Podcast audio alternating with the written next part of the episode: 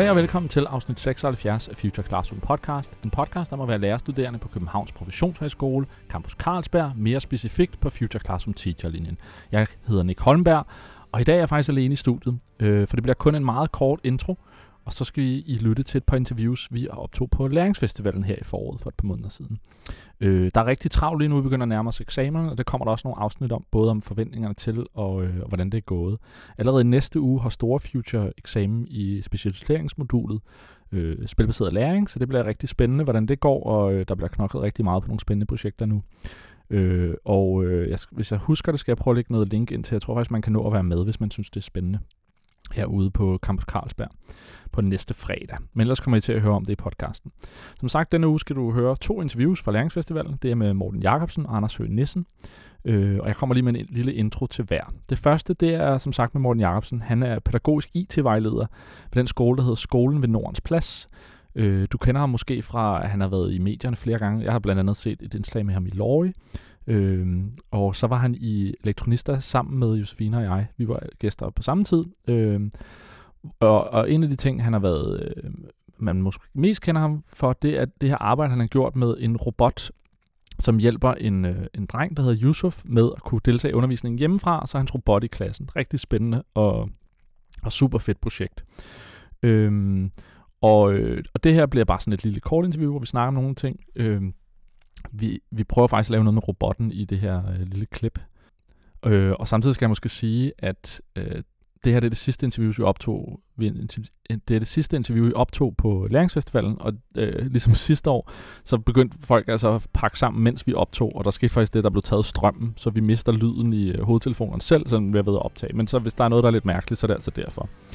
Øh, men det første interview med Morten Jacobsen, det kommer altså her.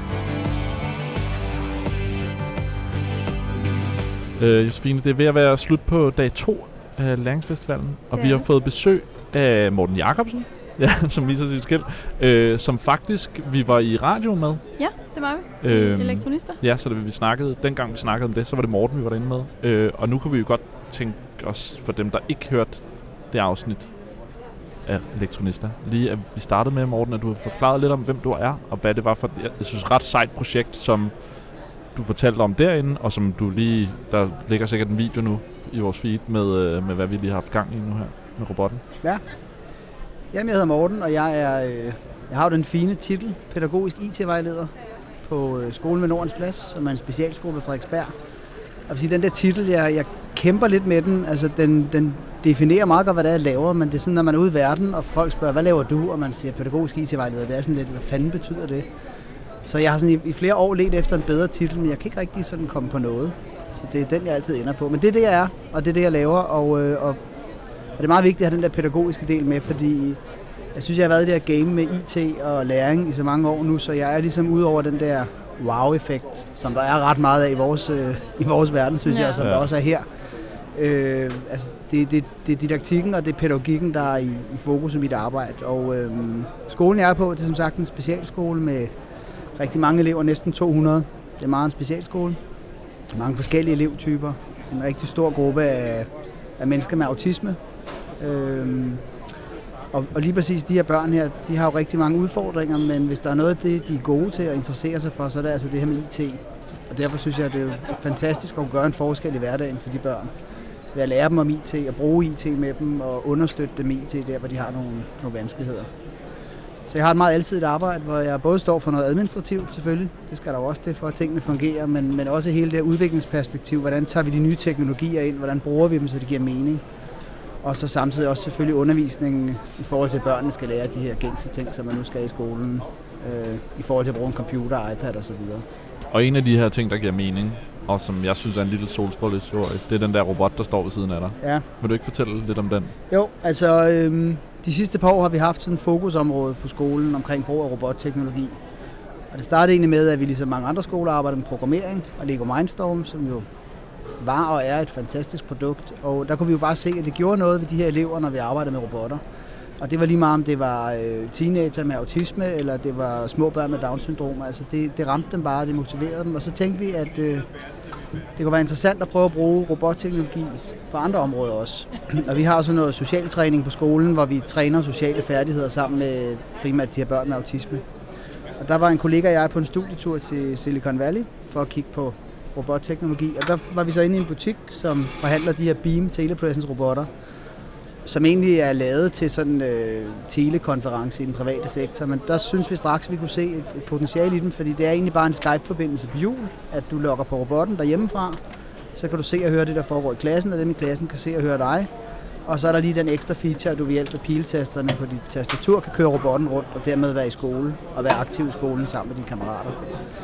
Og øh, det gav rigtig godt mening i forhold til de her, øh, det gav rigtig god mening i forhold til de børn, vi har, der ikke kan komme i skole. Så vi har pt. en elev, som nu ikke har været i skole i to år, men som hver dag er i skole på robotten og får sin livskvalitet gennem den. Og det er, det er fantastisk at være med i et projekt, hvor teknologien giver så meget mening og så meget livskvalitet til, til et andet menneske. Fedt. Det er ret vildt. Hvor, øh, nu er du IT-vejleder, så hvor står du henne i hele den her debat om øh, et nyt teknologiforståelsesfag? Ja, hvor står jeg henne? Jeg, jeg står der, hvor jeg nogle gange bliver lidt træt af, at der skal snakke så meget om det, i stedet for at man bare går i gang og prøver noget. Ja. Altså, altså jeg, jeg prøver egentlig lidt at blande mig udenom. Øh, jeg var også inde i sin tid, da der var den der... Øh, der var sådan en åbningskonference inde på børsen for et års tid siden, tror jeg, med undervisningsministeren og en masse andre, og, og alle de fine inden for vores område, der skulle snakke om, hvordan vi gør det her. Og, og konklusionen blev ligesom, at altså for det første var man ligesom nået til den erkendelse, at det der med IT, det var nok kommet for at blive, så vi må nok gøre noget ved det. Sådan, så langt, så det er godt. Fedt, ikke? og det næste, den næste konklu- konklusion blev så, at det var lidt en diskussion, der stod på, skal det inkluderes i fagene, som det jo hele tiden har skulle, mm. eller skal det være et selvstændigt fag? Og så strandede den ligesom der, så tænkte jeg, det gider jeg sgu ikke vente på, så nu går jeg bare hjem og gør noget. Fedt. Så, øh, så jeg er sådan, rent personligt har jeg det sådan, jeg, jeg er egentlig lidt ligeglad, om det falder den ene eller den anden vej. Jeg gør det, jeg synes, der giver mening for mine børn. Ja. Og hvad er så det? Jamen det er, at øh, jeg har gjort det i år, at jeg har startet sådan et, øh, et talenthold, hvor øh, egentlig inspireret af, der var sådan en tv-udsendelse for DR for et års tid siden, der hed De Skjulte Talenter. Det ved jeg ikke, om I så. Jo, jeg kan godt huske, jeg kan i hvert fald huske titlen. Jamen, det handlede om, at øh, man fulgte nogle, øh, nogle voksne med autisme, Jo, det så jeg godt. hvor de netop var ansat ude blandt andet hos Novo Nordisk, og det her med, i stedet for at fokusere på deres vanskeligheder, så fokuserede man på øh, de øh, specielle kompetencer, som mange af dem har, satte dem ind i en ramme, hvordan de, hvor de kunne fungere, øh, kvæg deres vanskeligheder, og så overpræsterede de simpelthen Ja, jeg bare. kan huske den ene af dem i hvert fald så, hvor der var en kvinde, som bare havde nået flere dages arbejde. To, to dages arbejde, det nåede, eller hvad de havde planlagt, hun skulle lave på to år, det nåede hun på tre måneder. Fuldstændig For, vanvittigt. fordi at de kunne rumme hende og hendes øh, udfordringer og hendes måde at være anderledes på. Ja. Øh, og så tænkte jeg, at det var, sgu, det var til inspiration. Og, og hun var også glad for at være der samtidig. glad det for er ikke bare, fordi hun blev til sådan en robot, der arbejdede. Nej. Det gav hende livskvalitet, og det gav, hendes, øh, det gav også hendes kolleger noget, fordi det her med at arbejde sammen med mennesker, der er lidt anderledes, det er faktisk en gave, hvis man kan rumme det. Mm. Øh, Ja. Det er sjovt. Øhm, og så tænker jeg, jamen altså, vi har jo også mange elever, som er skæve på den ene eller anden måde, og, men som har nogle, nogle, nogle, nogle kompetencer inden for dem IT. Så, så vi vil lave det her hold her, hvor vi, øh, hvor vi arbejder ud fra den samme metode med, at vi samler de her elever på tværs af klasserne. Og så har jeg dem tre timer om ugen, hvor de får sådan massivt indspark med de nyeste teknologier. Og fordi vi er en specialskole, så har vi også nogle lidt andre økonomiske muligheder end folkeskoler, så vi har en del af de nye teknologier, robotteknologi, VR og så videre. Og så arbejder vi sådan temabaseret inden for de her forskellige områder, hvor, hvor, hvor jeg gør meget ud af, at, og det ligger der også i teknologiforståelsen for mig, at vi skal ikke bare, vi skal ikke bare lære teknologien at kende og arbejde med den, det skal vi også, men det er også rigtig vigtigt, at vi får perspektiverne på dem. Altså, når vi arbejder med 3D-print, hvad er det så, vi kan bruge det til andet, end vi kan printe en kaffekop? Mm. Hvorfor er det, det giver mening at lære det? Og sætte det ind i det her samfundsmæssige perspektiv. Og det giver rigtig god mening i forhold til, til børn med autisme, fordi de er jo meget konkret tænkende og tænker ikke så meget på verden omkring sig. Men ved at vi bruger teknologien til at snakke om, at øh, vi kan printe øh, proteser i Afrika for eksempel, så ved hjælp af teknologien gør det faktisk også, at de interesserer sig for de her ting her, får en forståelse for det. Så det er sådan vejen ind til at bekymre sig om andre mennesker. Altså det bliver faktisk en kobling. Altså teknologien kobling. bliver brugt som en kobling til faget, og ikke omvendt. Lige præcis. Det synes jeg er ret sejt. Ja. Det er egentlig et meget sjovt øh, perspektiv. Mega fedt. Jeg tænker, jeg lige hurtigt hvis man hører noget skraml i baggrunden, så er det fordi, det er sidst på den sidste dag, at der er ved at blive pakket ned. Men vi, vi når det, vi når, så godt vi kan. Som Ja, siger. ja, vi kører videre. Det, øh, jeg skal lige sige i forbindelse med det, fordi øh, vores beamrobot her var et meget godt eksempel på det, fordi op til jul, så Josef her, som bruger robotten, han ville, han ville gerne være lucia på skolen. Jamen, det, det kom så egentlig af, at, at vi har gjort rigtig meget for at udvikle på robotten, for at han kunne blive mere aktiv i timerne. Og så snakkede min kollega og jeg om, at det hele tiden var ud fra en antagelse, vi havde om, hvad han skulle kunne. Han skulle kunne lave lektier, han skulle komme med på tur. Nu kunne det være interessant at udfordre, udfordre teknologien og os selv lidt ved at sige, hvad vil Josef gerne kunne med Fedt. den her robot? Ja. Og det spurgte vi ham om, og så foldede han hænderne og sagde, at han ville gerne med Lucia brød. Og til det så svarede min kollega, så det kan du godt. Du kan godt være med i Lucia optoget, men så kræver det, at du ikke kører ind i de andre. Og så svarer han bare, jeg skal gå forrest.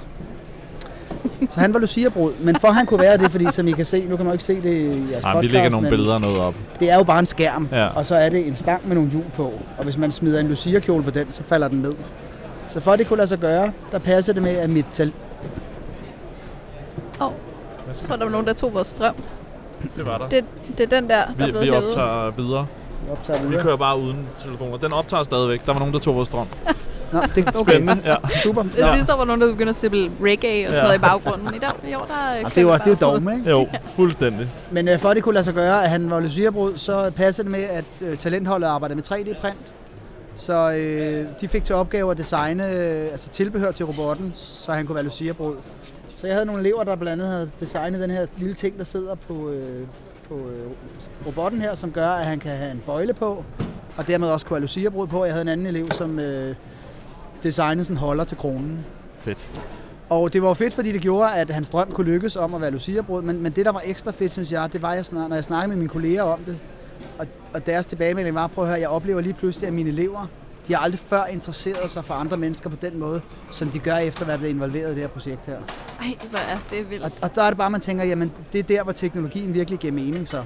Ja. At, at, at den kan åbne op for verden og gøre, at vi kan hjælpe andre, men også interessere, sig, interessere os for andre. Ikke? ja. Så, øh, så det gør vi rigtig meget ud af, det her med, at teknologien skal bruges i en kontekst, der også handler om, om andre mennesker og den verden, vi lever i. Øh, og gøre noget godt på den, øh, på den måde. Så, øh, så, så, så jeg gør meget ud af, hver gang vi arbejder med teknologi, og også droner og, øh, og alle mulige andre ting. Vi skal hele tiden have den der med, hvad er det, hvorfor er det, vi skal bruge det, hvorfor er det, vi skal lære at bruge det, hvad er perspektivet i det osv. Og så kan vi også godt lege med det. Men, men, men den skal med, for ellers så er der rigtig meget, der egentlig bare er gimmicks, synes jeg, øh, i forhold til teknologi i, i skoleverdenen. Og hvor står du så henne nu med dit talenthold? Hvor langt er det nået? Jeg står der nu, at øh, det startede faktisk som et samarbejde, det er det stadig med, med det, der hedder Singularity U, inde Ja. i Tisangade, inde på det gamle UCC, som netop arbejder med det her med at bruge perspektiv, eller at bruge IT i forhold til at løse nogle af verdens største problemer. Så tanken er nu her, øh, nu er vi lige i gang med et, kodningsforløb, og så skal vi i gang med noget VR og noget AR, og så får de sådan en fri opgave, lidt ala coding class kan man sige, men hvor de går ind og vælger, hvad, hvad er det for et problem i forhold til FN's verdensmål, de skal løse, og så laver de, øh, så prøver de at komme op med nogle løsninger der. Og så er tanken egentlig, at vi skal ind og fremlægge vores produkt inde på Singularity, når det er færdigt. Ja, Øh, og hvornår regner du med, det er det? Vi skulle meget gerne være færdige til sommerferien, det er planen i hvert fald. Fedt. Mega fedt. Så kan det være, at vi kan øh, komme en tur derind. Og, og Det kunne I sikkert det. Ja. sagtens. Jeg tænker, det må vi lige få uh, arrangeret. Så skal vi, I skal lige sørge for, at I ikke ligger der oven i vores eksamener. Det må Ja, lige det være. skal vi nok det er lade for- være. Det skal nok være med. Altså, jeg vil faktisk sige, det der med netop, ligesom coding class gør, men det der med at inddrage omverdenen og virksomheder og Ja. også sådan noget som Singularity, det, det giver et ekstra boost til undervisningen, og det giver et ekstra boost for eleverne. Det der Helt med, okay, sikkert. det er sgu ikke bare for sjov det her. Der er rent faktisk nogle, nogle andre mennesker, som kan se mening i det, jeg sidder og laver nu. Øh, og det, det synes jeg, vi skal gøre meget mere af ude i skolen, og det sker også, også med craft og alle de her ting her, altså, men, men det er der, hvor det giver mening, og det er der, hvor eleverne, de, de giver den altså lige en ekstra skalle. Det er jo også det, vi oplevede med vores konference første semester, hvor i stedet for at gå til en almindelig eksamen, så skulle vi lave en konference, hvor der blev inviteret skoleledere og forlag og alt muligt Ja. til, og så skulle man præsentere det for dem. Ja. Så betyder det lige pludselig noget mere. Det gør det. Det bliver meget mere virkelighedsnært. Vi Ja. oplever det også heldigvis gang på gang i podcasten, hvor Ja. vi får elever med til at lave deres egen podcast. Og Ja. man ser bare, hvordan de skinner bagefter, fordi de har fået lov til at øh, lave noget, der er virkeligt. Ja, noget, der og bliver føle, sendt at det, at det giver mening, selvom det kun er noget, vi leger. Ikke? Jo. Ja, lige præcis. øhm, så, øh, og så vil jeg sige, at jeg prøver selvfølgelig også meget i forhold til det her med elevernes teknologiforståelse og arbejde med de her 21st skills og inkorporere dem i forskellige måder at arbejde på osv. Øhm, og det fungerer egentlig også okay, men jeg kan godt forstå, hvis der er mange lærere rundt omkring, som har det svært ved det. Fordi en ting er, at man skal arbejde med noget IT, man måske ikke er så tryg ved. Hvis man samtidig også lige skal tænke om, om arbejdsmetoder og former, og hvad er det for nogle områder osv. Det er rigtig mange ting at skulle holde styr på På Ja. meget lidt forberedelsestid. og meget lidt forberedelse. Ja. Øhm, det er jo os, der har interessen for at arbejde med IT. Jamen, vi kan sagtens gå rundt på, på, på festivalen her, og så finde en robot, vi synes, der er spændende, måske få lov at købe den, og så sidder vi og roder med det selv, for det, det gider vi godt, og så bruge den. Men for læreren, der har et kvarter ekstra til at forberede sig hver uge, og han eller hun ved, det tager halvanden time at sætte sig ind i, jamen, så kan jeg godt forstå, at man ikke får det gjort. Ja, Og det er smadret, smadret ærgerligt, men det er forståeligt. helt sikkert. Hvor anbefaler du dine lærere, altså nu er du IT-vejleder, så jeg går ud fra, at du har øh, nogle, en lærergruppe eller et eller andet, du vejleder. Hvor, øh, hvor anbefaler du dem at starte, hvis de skal i gang med at bruge teknologi? Det kommer jo an på, hvad det er for noget teknologi, vi skal bruge, og hvad det er, vi skal arbejde med. Jeg vil sige, at for mig der er det vigtigt, at det bliver meget, øh, at det bliver meget jordnært, og det bliver afmystificeret. Så hvis vi tager sådan noget som, som kodning, der har vi lavet sådan et, en, en, vi kan kalde det en læseplan, et kompendie for, øh, jamen når nu du skal ind og arbejde med det her, hvis ikke du ved, hvad det er. Der er mange, der tror, at uh, så skal man kunne en masse formler og, og mærkelige ord og alt muligt. Og det er ikke det, det handler om. Alting er kodning. Så, så det her med at få det ned på et plan, hvor det er forståeligt, så det er bare helt konkret med, at eleverne for eksempel koder hinanden og koder læreren. Det gør, at eleverne får en forståelse for det, men det gør også, at, at, at læreren bliver mere tryg ved at arbejde med det. Så det her med at bringe det ned på et niveau, hvor det er meget, meget simpelt, men hvor det samtidig giver mening for læreren, det synes jeg, vi har rigtig gode erfaringer med. Og så gør jeg meget ud af, at hvis, hvis, hvis der er de her gode historier ude i klasserne, så er det lærerne selv, der, der formidler det videre. Mm. Altså, så de her spydspidser her, det, det giver meget mere, end jeg kommer ud og siger, nu skal I se den her robot her. Det er virkelig sjovt at arbejde med den. Der er virkelig meget læring i det. Så står de og tænker, ja, ja, den er god nok, men han interesserer sig jo også for det. Men Mm. er det mine øh, kollegaer på 60 år, der lige pludselig kommer og siger det, så tænker de, okay, hvis hun kan det, og kan se interesse for det, og se, det giver mening, så tør jeg også godt give mig i kast med det. Så jeg lader meget af de der historier fortælle sig selv, frem for at jeg går ud og siger, nu skal I prøve det her, nu skal I prøve det her.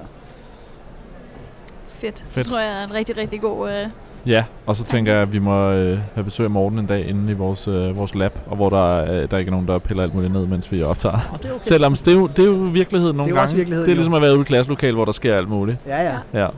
Men tusind tak for besøget, og så Selv tænker tak. jeg lige, at vi skal have øh, delt, hvor man kan... Er der noget, du vil dele om, hvor du er, og hvor man kan læse mere om det? Og så Jamen, smider vi man- det også i show Altså jeg vil notes. sige, man kan jo, øh, man kan jo læse mere om vores projekt, øh, dels på skolens hjemmeside svnp.dk, altså skolen med nordensplads.dk. Men jeg har beskrevet det lidt mere i dybden på min egen personlige hjemmeside, som bare hedder mortenjacobsen.com, og Jacobsen er med C. Og Fedt. der ligger også diverse videoer af, af Josef som robot og som Lucia-brud. Super, det, var det i synes nyhed- jeg, man det skal var, gå det ind var og i se. nyhederne. Det er virkelig, altså øh, der er næsten ikke et øje tørt, vil jeg sige. Det var Nej. virkelig en rørende historie. Øh, og det fungerede bare. Fedt. Tusind tak, fordi du var med. Selv tak.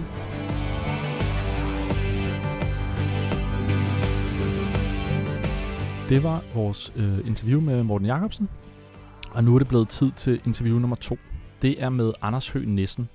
Anders Høgh Nissen har været vært, eller medvært på øh, Harddisken på DR, på P1 tror jeg det kørt, i mange år, øh, hvor jeg har lyttet til ham, og jeg, det kan man måske høre i interviewet, jeg er kæmpe fan. Øh, og han er jo så blevet selvstændig her for et år eller to siden, øh, med flere spændende projekter, hvor han blandt andet laver, jeg tror den hedder Workflow, jeg kalder den vist Work.flow flere gange i det her interview. Øh, men ja, Anders er, øh, er det, jeg vil kalde teknologiekspert, og kommer med nogle øh, perspektiver på det. Og, øh, og så var det bare sindssygt fedt, at øh, som en, der har lyttet til hans programmer, øh, og når han har været ekspert i tv flere gange, og, og have ham med, og se også, hvordan han, øh, bare det han sætter sig og skal til at snakke i mikrofon, hvordan han har styr på, øh, på noget af teknologien omkring det, og det at være i en, i en radio-podcast-situation. Det var vildt fedt. Øh, og så har han bare den fedeste stemme. Så det var vildt fedt at få lov at, at have ham med. Men det kommer simpelthen her, og, øh, og så snakkes vi lige kort ved på den anden side.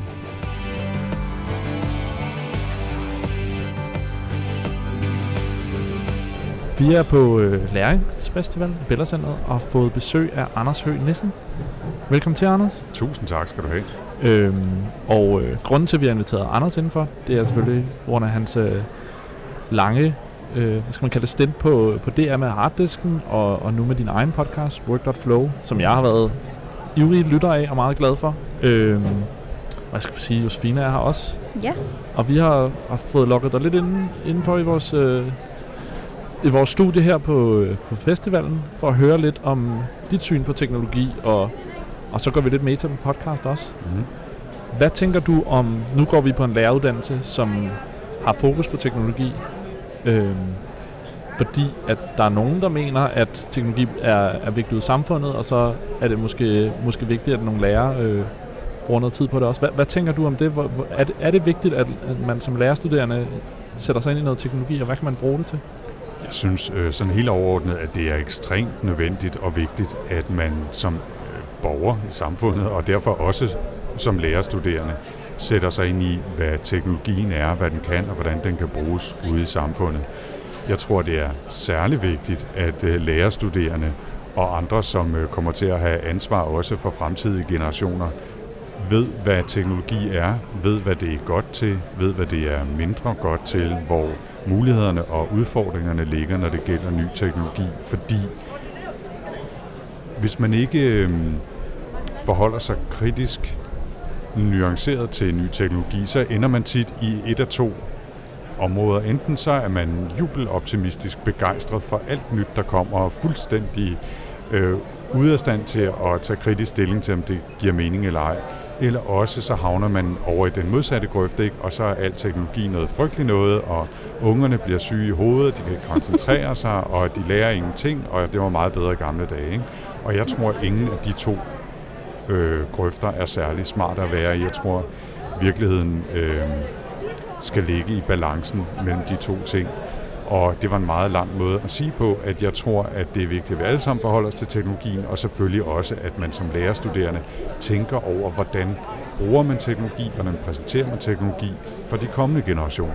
For I er jo, altså I kommer jo til at forme nogle små mennesker, han har sagt, øh, med jeres forhold til teknologien, og derfor er det også vigtigt, at I ved, hvad den kan bruges til. Ikke? Hvordan tænker du, altså nu er vi jo heldige, føler jeg, at vi går på en linje og er i, i et lab, hvor at der er fokus på det, og der, vi kan få lov at lege med en masse ting øh, og prøve det af. Øh, men hvad gør man som almindelig lærerstuderende, eller som almindelig borger i Danmark?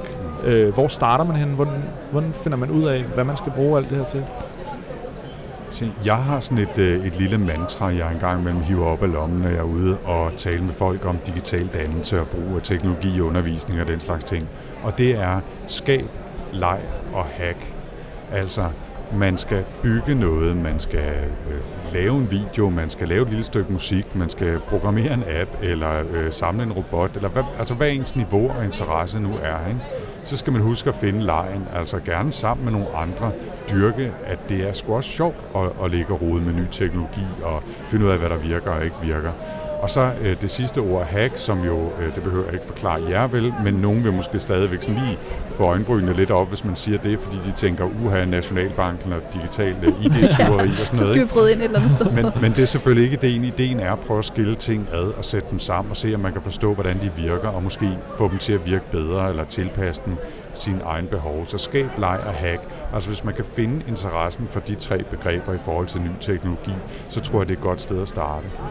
Og så et andet øh, godt råd, jeg plejer at give, det er, at man selvfølgelig bare sådan af almindelige øh, nysgerrigheder, som en del af den almindelige øh, nyhedsovervågning, følger med i, hvad der sker på teknologi og, og videnskab i virkeligheden også bredere. Og så prøver at spørge sig selv, hvad nu hvis? Altså, jeg synes, det, det, det, er, det er tre små ord, ikke? Men, men jeg synes, det er et virkelig godt værktøj til at prøve at lære sig selv at forstå, hvilken rolle mange ting, mange fænomener i verden, herunder også ny teknologi, kan spille i, i hverdagen. Så hvad nu hvis øh, alle børn fik en chip implanteret i hjernen og kunne telepatere med hinanden? Eller hvad nu hvis øh, vi fik hologrammer af alle lærere, så øh, de bedste lærere kunne stå og undervise i klassen alle steder øh, i hele landet, som om de var der, eller øh, måske lidt mindre fantasifuldt, øh, hvad nu hvis øh, vi ikke skulle slås med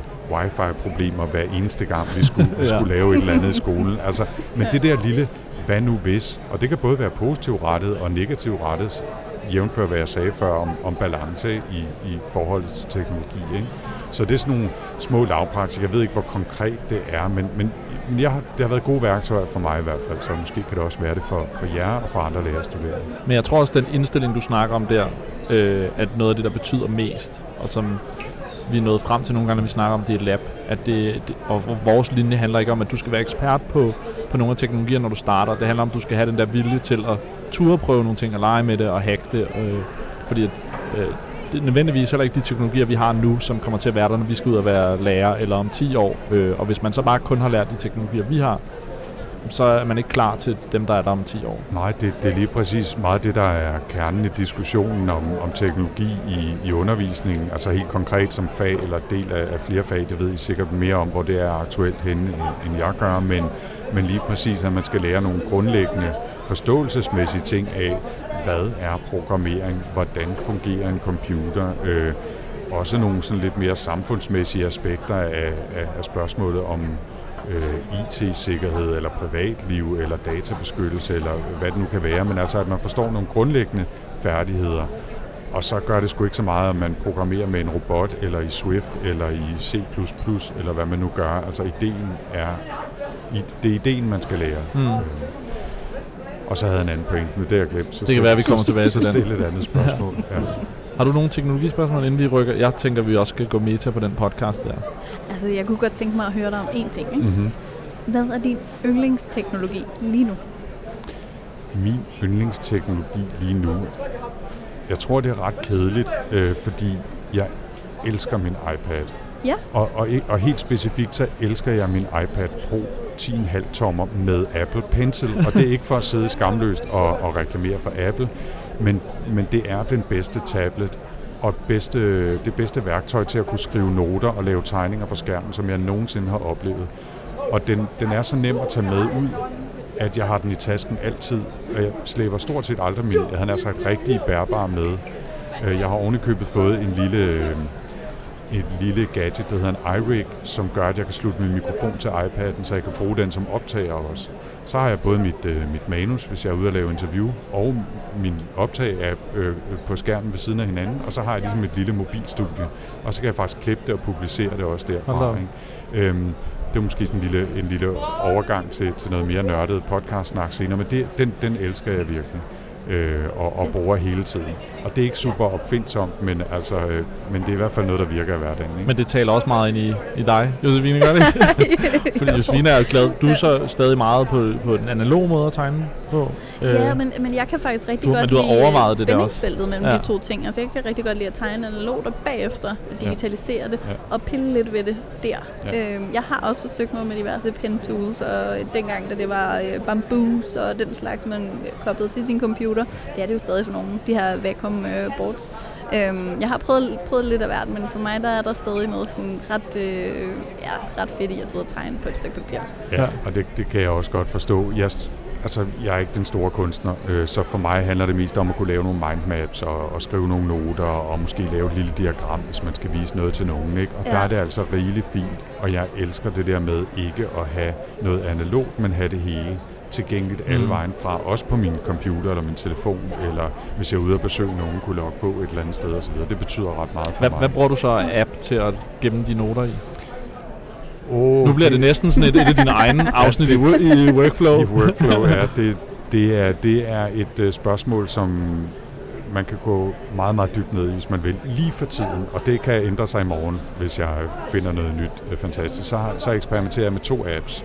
En, der hedder Wink, W-H-I-N-K, som er sådan en iCloud-synkroniseret note-app, som, som har den interessante egenskab, at man også kan altså, sætte den til, hvis man tegner en firkant, at den så ligesom rentegner den, så Åh, alle ej, linjer bliver, bliver lige... Øh, Så sådan nogen som mig, der ikke kan tegne lige, Præcis. får Man- lidt hjælp. Og så kan man sætte tekster og øh, skrive på pdf og sådan noget ind i. Den er sådan, den, den, den har nogle fine ting i sig, men, men ellers så bruger jeg meget en note-app, der hedder Bear, altså Bjørn, B-E-A-R, og øh, den har faktisk, udover at det primært er tekstnote-værktøj, så kan man faktisk også indsætte små tegninger, som nærmest ikke kan noget. Der er en, en blyant, en highlighter og en viskelæder.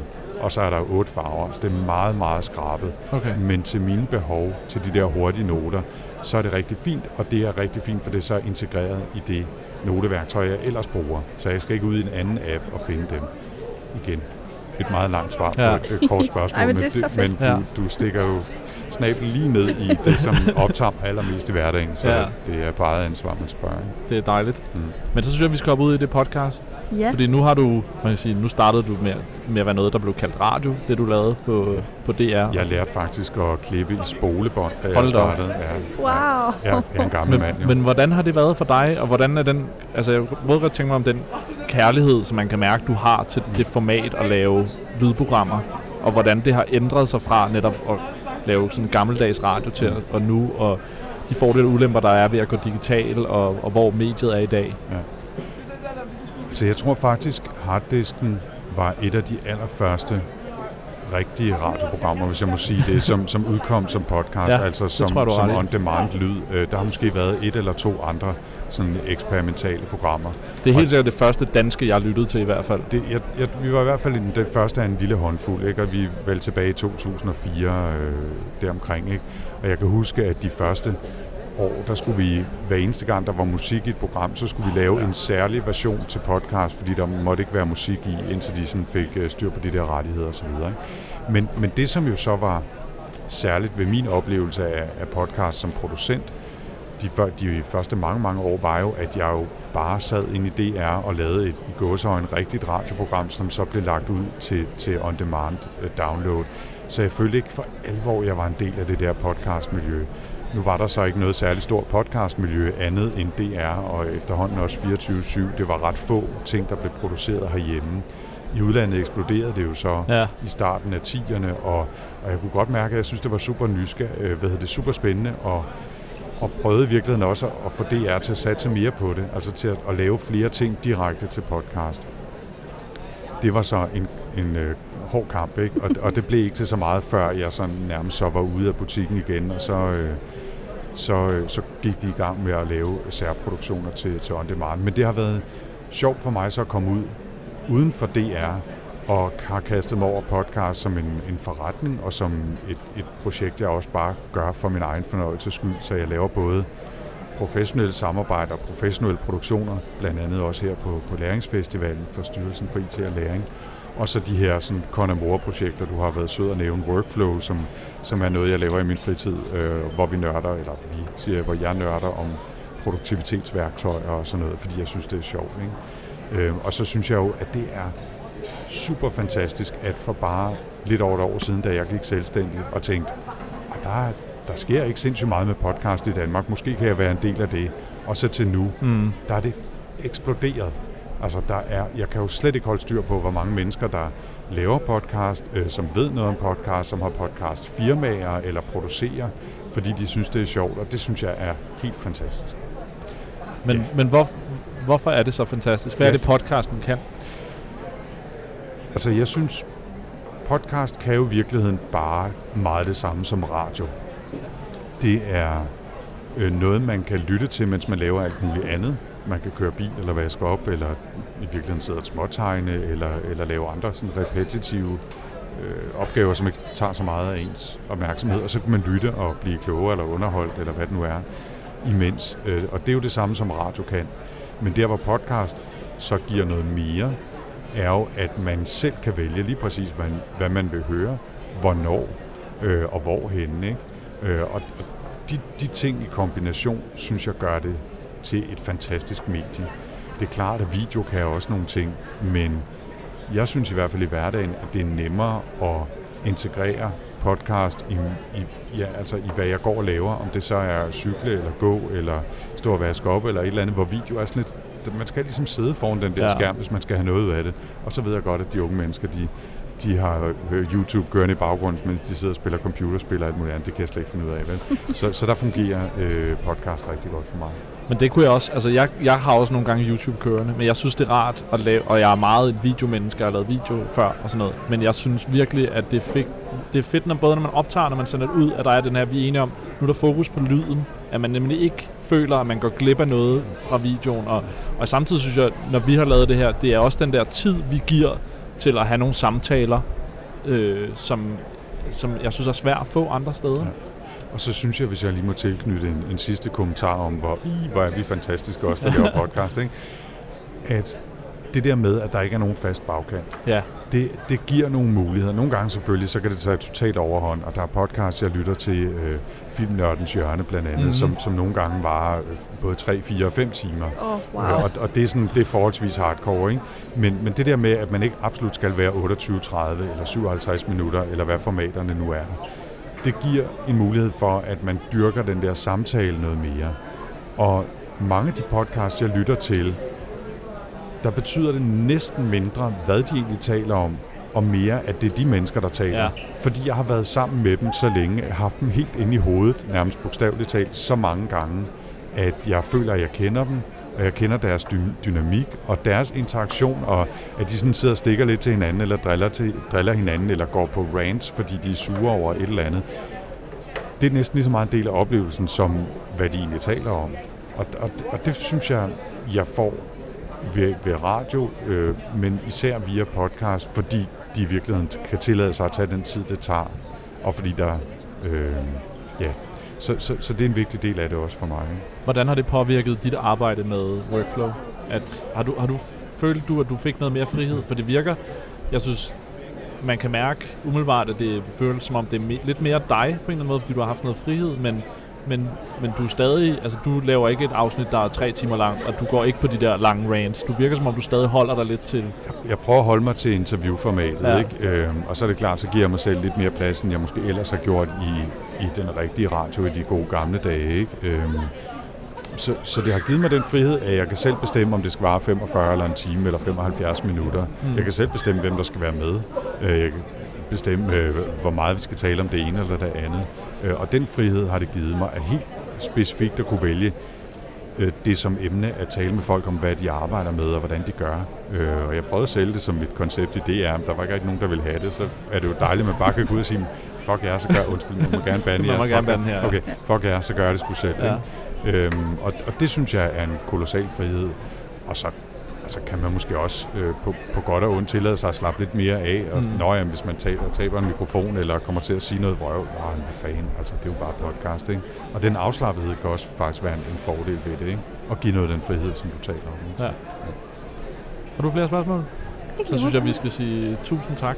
Det har været en kæmpe fornøjelse at have dig med. Det var øh, en fornøjelse, som helt og aldeles er på min side, er jeg sikker på. Men tusind tak, fordi I spurgte. Det var, øh, det var Og så dejligt. synes jeg lige, vi skal nævne igen. Du laver Workflow, som er en podcast om workflow, sjovt nok. Ja. Hvad, er der andre ting, vi skal... Man kan følge dig på Twitter? Ja, man kan følge mig på Twitter, og så arbejder jeg for tiden fast hver uge med at lave podcast, også sammen med mediehuset Ingeniøren, som er teknologi- og videnskabsnyheder, selvfølgelig især fra avisen Ingeniøren. Og så laver jeg også en podcast, der hedder Samdata, sammen med HK, øh, som kommer hver 14. dag, og som er sådan IT-fagligt øh, på forskellige måder, taler om automatisering og robotter og digital dannelse og tusind andre ting.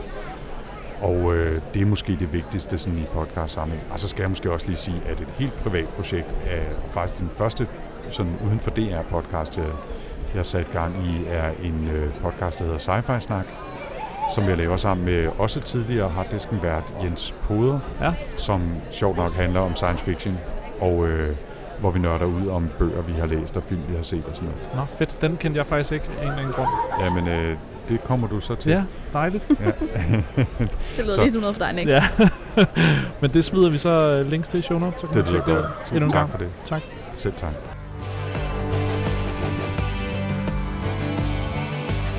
Det var vores øh, to interviews. For en gang skyld tror jeg, at vores afsnit bliver lidt kort. Vi har flere gange øh, teaset det eller snakket om det, og så er det faktisk blevet langt alligevel. Så er det lidt kort afsnit den her uge. Øhm, husk, at, øh, at du kan lytte til øh, podcasten her, både på SoundCloud, og hvis du er på Android, kan du søge på den der, og vi er selvfølgelig i iTunes. Og, øh, og vi er på sociale medier, Instagram, Facebook og Twitter, er dem, vi har valgt indtil videre. Og, øh, og det hele er samlet på vores hjemmeside, futureclassroompodcast.dk. Og så er det blevet tid til, at jeg også skal... Uh, jeg skal måske lige nævne, at, øh, at det her med anmeldelserne, det er jo noget, nogen har været gode til at gøre nu, og det skal vi minde om, fordi at, øh, inde på iTunes i hvert fald, der er det noget, hvor vi kommer op i nogle søgninger, og flere får, øh, får lov at- finde os, hvis, vi, hvis man ser os der. Og det ved jeg ikke, om det også gælder SoundCloud, men hvis du kan anmelde os eller like os et eller andet sted, så gør det. Det gør, at flere kan finde os, så det vil være dejligt. Øh, og så blev det tid til, at jeg skal sige tak til nogen. Denne her gang er det lidt anderledes, øh, fordi jeg vil egentlig sige tak til skal man kalde det en amerikansk kunstner, der hedder Donald Glover. Øh, fordi jeg, han har lagt en... Øh, han er meget i, i vælten lige nu. Øh, han, øh, den store ting for mig har været, øh, at han er kommet ud med, en, med et nummer, en musikvideo til et, øh, et nummer, der hedder This is America, som øh, jeg tror, det trender på YouTube i nærmest alle lande i verden. Øh, og sangen, og endnu, det er endnu mere tydeligt i musikvideoen, der er en masse at tolke på, handler om, øh, om nogle af race- og våbenproblemerne i USA, og det synes jeg er en vildt fed måde at tage det frem på, og gøre det til et populært nummer, men også virkelig at, at, at tage emnet op på en måde, så folk har måske svært at ignorere det, og måske øh, gøre noget ved det. Samtidig er han altså en, der, øh, der har skrevet på komedieserien øh, Community. Han har, nej, 30 Rock, han har selv været skuespiller i, i, i serien Community. Øh, han er med i den nye Star Wars film, der kommer her med et uger, øh, som Lando. Han har skrevet, instrueret og så videre, og er med i, øh, i en tv-serie, der er desværre vist ikke kommet til Danmark endnu, der hedder Atlanta, som også tager nogle af de her problemer op. Øh, han har lavet en stand-up special, altså han er virkelig en multikunstner, øh, og har virkelig mange talenter. Øh, men også en, der bruger ligesom hans mulighed for at, at tale om noget vigtigt og prøve at gøre en forskel i verden. Og det synes jeg er vildt inspirerende og, og vildt fedt og vigtigt. Øh, så jeg vil godt sige tak til ham for at gøre det. Ikke at han nok nogensinde kommer til at høre det, men jeg, jeg finder det utrolig inspirerende og vigtigt, at, øh, at man laver noget kunst og bruger det til noget, og, og også det at med at turde kaste sig ud i nogle forskellige ting. Det er noget, jeg øh, prøve at blive ved med, og, øh, og ligesom, øh, jeg kan ikke spille musik, men jeg har tænkt mig at prøve at lave musiknummer, og hvis der er ting, man ikke kan, så, øh, så er det fedt at ture kaste sig ud i det og eksperimentere med det, og det er sådan, man lærer at blive god til det, så det synes jeg var vildt fedt. Øh, og det var sådan set det. Så tak til jer for at lytte med, og så øh, lyttes vi ved næste uge. Hej hej.